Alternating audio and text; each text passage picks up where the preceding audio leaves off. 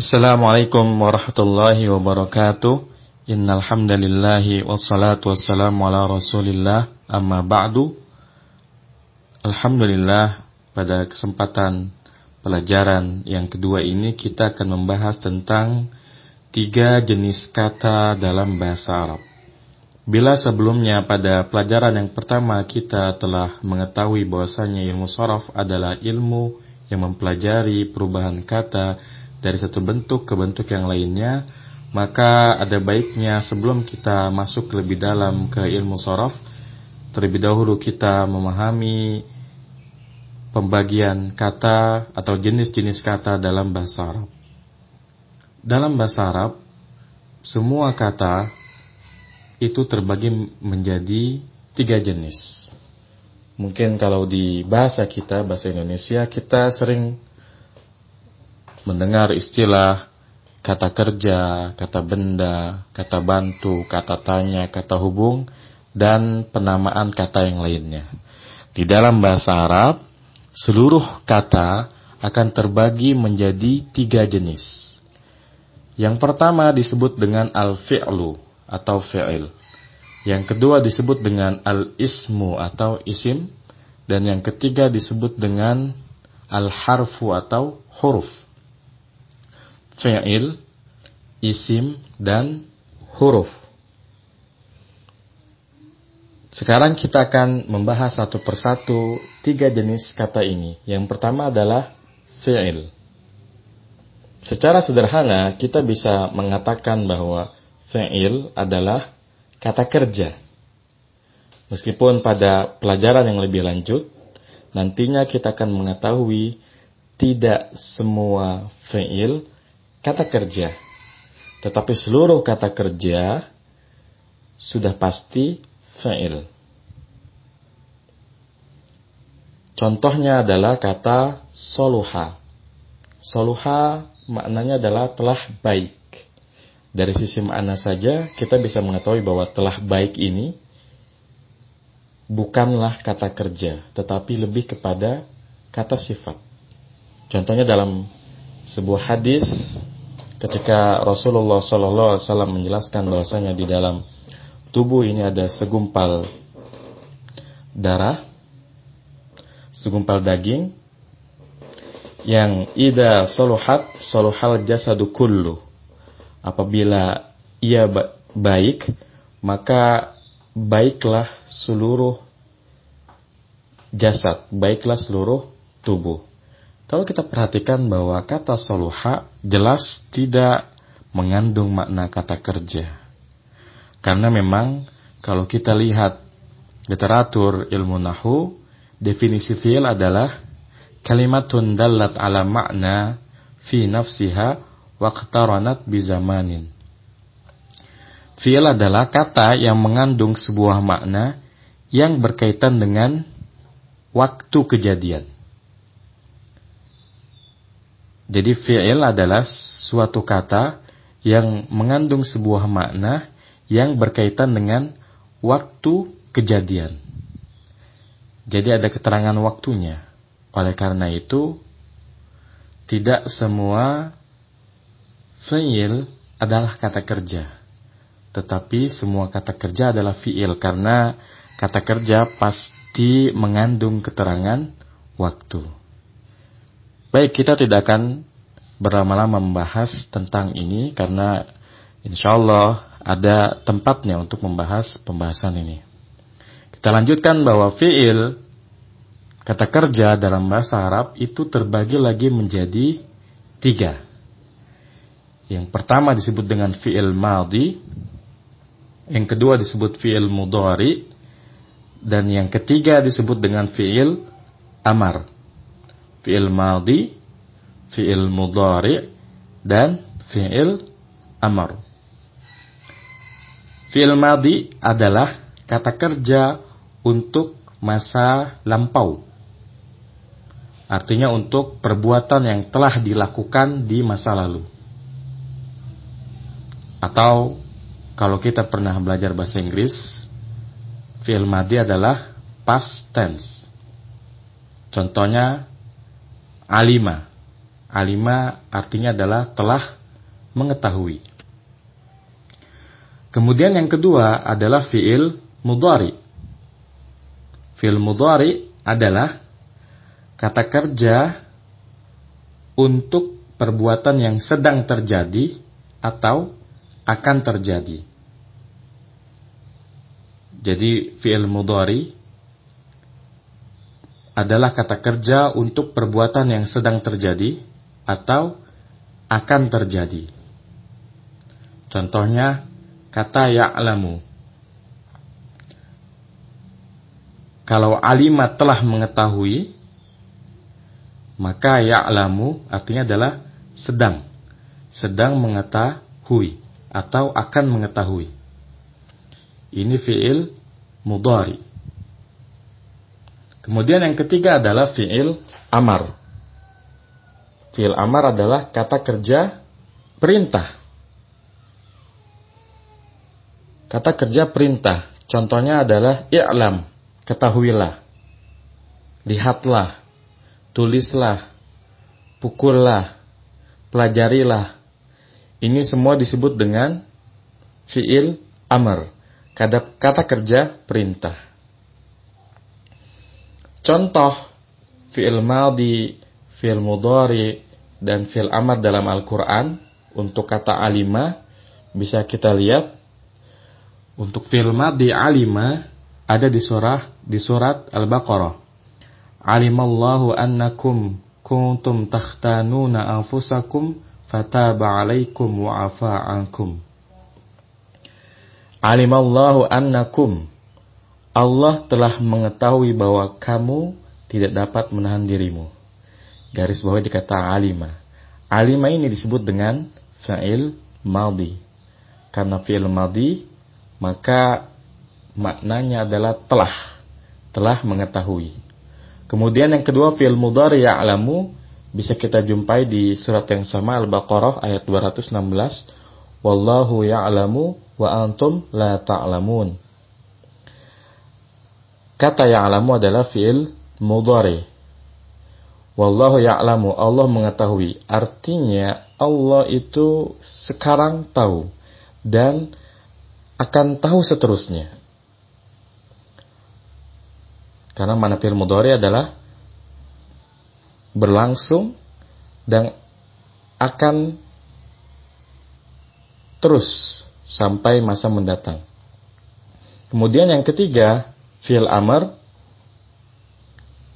i'lam bisa kita jumpai di surat yang sama Al-Baqarah ayat 260 wa'lam annallaha azizun hakim dan ketahuilah bahwa Allah Maha Perkasa lagi Maha Bijaksana. I'lam merupakan fi'il amr dan maknanya sangat jelas, ketahuilah. Kata kerja perintah. Alhamdulillah kita telah belajar pembagian fi'il. Fi'il madhi, fi'il mudhari dan fi'il amr. Kemudian jenis kata yang kedua adalah isim. Secara sederhana kita bisa mengatakan bahwa bahwa isim adalah kata benda. Berbeda dengan fi'il yang hanya terbagi menjadi tiga jenis, fi'il madi, mudari, dan amr, isim memiliki pembagian lagi yang lebih banyak. Berdasarkan jumlah, berdasarkan jumlah, isim bisa dibedakan menjadi isim mufrad, kata tunggal, isim tasniyah atau isim musanna, kata ganda, dan isim jamak, yakni kata jamak atau banyak, lebih dari dua. Ini perlu kita catat karena berbeda dengan bahasa Indonesia yang hanya membedakan antara kata tunggal dan kata majemuk, maka di bahasa Arab ada kata tunggal, ada kata ganda, dan ada kata jamak. Jadi yang disebut dengan jamak dalam bahasa Arab adalah yang lebih dari dua. Kalau dua disebut dengan kata ganda, isim tasniyah atau isim musanna. Ini pembagian isim berdasarkan jumlah. Kemudian berdasarkan jenis, isim bisa dibagi menjadi isim muzakkar dan isim muannas. Isim muzakkar itu artinya gentle atau laki-laki dan isim muannas feminim atau perempuan. Ini adalah pembagian isim yang paling populer berdasarkan jenis dan berdasarkan jumlah. Dan memang kedua jenis pembagian ini wajib diketahui oleh seluruh pemula yang ingin mempelajari bahasa Arab. Insya Allah kita akan membahas lebih lanjut tentang pembagian isim menurut jumlah dan pembagian isim menurut jenis pada kesempatan yang akan datang.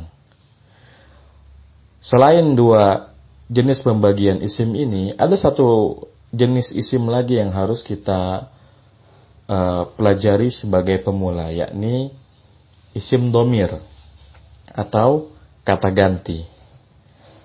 Kalau dalam bahasa kita, kita hanya mengenal kata ganti orang pertama, kemudian uh, kata ganti orang pertama seperti saya, kami, kemudian kata ganti orang kedua seperti kamu, kalian, kemudian kata ganti orang ketiga seperti dia dan mereka. Dan dalam bahasa kita, kita hanya membagi kata ganti orang pertama tunggal dan kata ganti orang pertama jamak, kata ganti orang kedua tunggal, kata ganti orang kedua jamak, kata ganti orang ketiga tunggal dan kata ganti orang ketiga jamak. Ini di dalam bahasa Indonesia. Di dalam bahasa Arab, selain ada kata ganti orang pertama tunggal jamak, juga ada kata ganti ganda. Jadi kata ganti tunggal, kata ganti ganda, dan kata ganti jamak. Selain itu, antara laki-laki dengan wanita itu dipisahkan. Sehingga kalau kita jabarkan, Kata ganti dalam bahasa Arab itu ada 14. Berbeda dengan bahasa Indonesia yang hanya ada 6. Saya,